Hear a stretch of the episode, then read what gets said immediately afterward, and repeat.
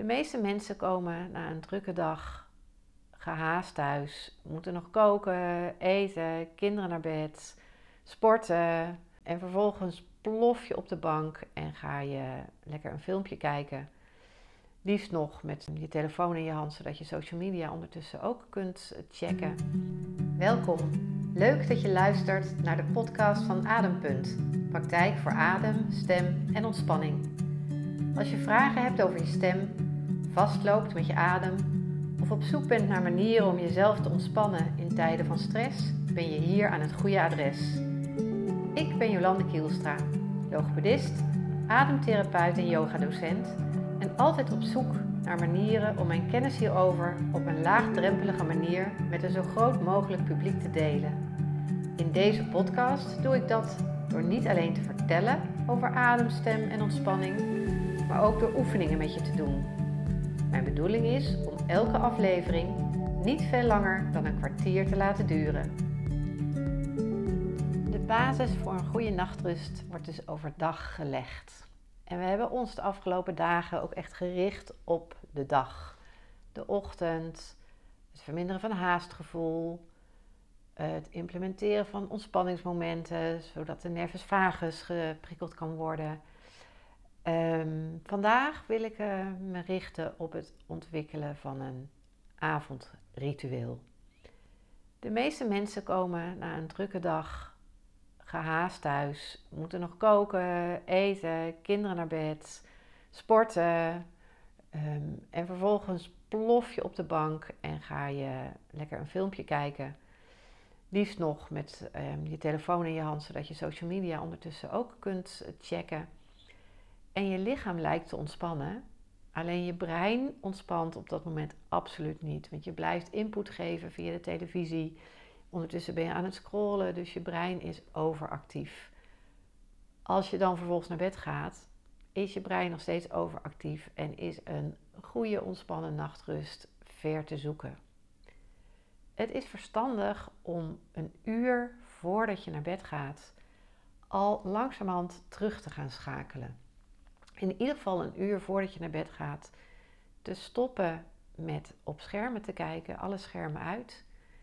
En in dat uur allerlei dingen te doen die jou helpen om langzaam terug te schakelen.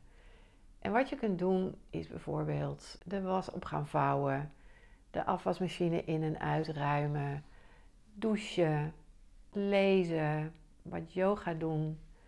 Wat ook goed is om op te nemen in je avondritueel is het journalen. En journalen is niet precies hetzelfde als in een dagboek schrijven. Uh, journalen is meer dat je je dag overdenkt, de dingen waar je tevreden over bent, de dingen waar je dankbaar voor bent, de dingen die je misschien de komende dagen wilt gaan veranderen. Het is echt iets reflecterends. Je kijkt terug op de dag. Wat had ik anders kunnen doen? En je kijkt vooruit naar de volgende dag wat wil ik gaan aanpassen. In het journalen zijn die 60 tot 90.000 gedachten waar ik het over had. Ehm, geef je op die manier een soort kader en bekijk je nog eens even naar wat voor gedachten heb ik nou eigenlijk gehad de afgelopen dag. Want niet alleen is dus 80% van die 60 tot 90.000 gedachten per dag zijn dezelfde als de gedachten van gisteren ook nog eens is een heel groot gedeelte van die gedachten negatief. En dat begint vaak al s ochtends vroeg. Je begint met wakker worden, of misschien ben je al wakker. Je hebt slecht geslapen en je denkt: Oh, hoe kom ik deze dag door? Dit kan alleen maar rot verlopen. Wanneer je jezelf voedt met negatieve gedachten, is een frisse, vrolijke dag ver te zoeken en een ontspannen nachtrust daarop volgend ook niet heel erg logisch. Journalen helpt je om te kijken naar je eigen gedachten. Van wat heb ik nou gedacht vandaag? Hoeveel van die gedachten waren negatief? Wat kan ik anders doen? Hoe kan ik dat morgen anders aanpakken?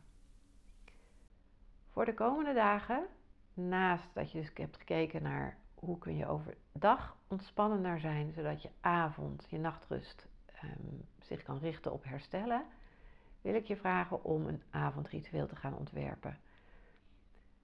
ontwerp het echt. Maak een plannetje van hoe ziet voor jou het ideale uurtje voordat je gaat slapen eruit.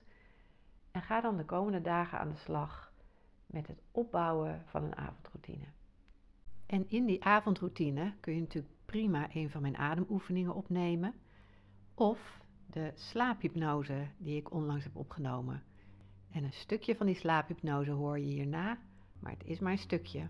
Via de website kun je de hele hypnose kopen. En als trouwe luisteraar van mijn podcast kun je zowel de slaaphypnose als de module Adem gaat vanzelf of Ontspannen naar huis met korting kopen via de link die onder deze opname staat.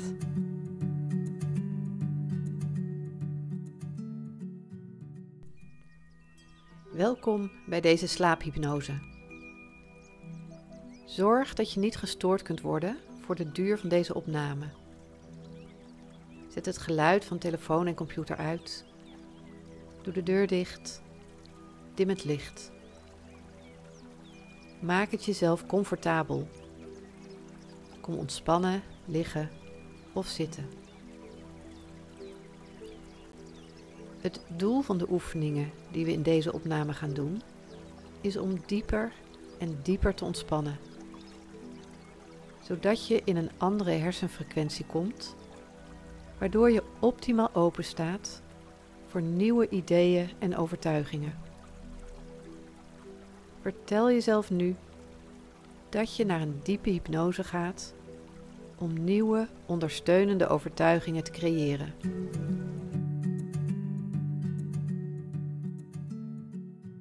Dit was de laatste aflevering in de serie podcasts over slapen. Binnenkort verschijnt mijn online module Just Sleep, die via e-mail verzonden gaat worden. En volgend jaar, ergens in het voorjaar, zal via Instagram ook weer de module gaan draaien, Just Sleep. En in die module krijg je 10 filmpjes met uitleg, 28 adem- en ontspanningsoefeningen en 24 opdrachten. En daar zit de hele slaaphypnose in. Voor nu kun je de slaaphypnose los aanschaffen via de website. Dankjewel voor het luisteren naar deze serie podcast. En de volgende podcast gaat weer over een ander onderwerp.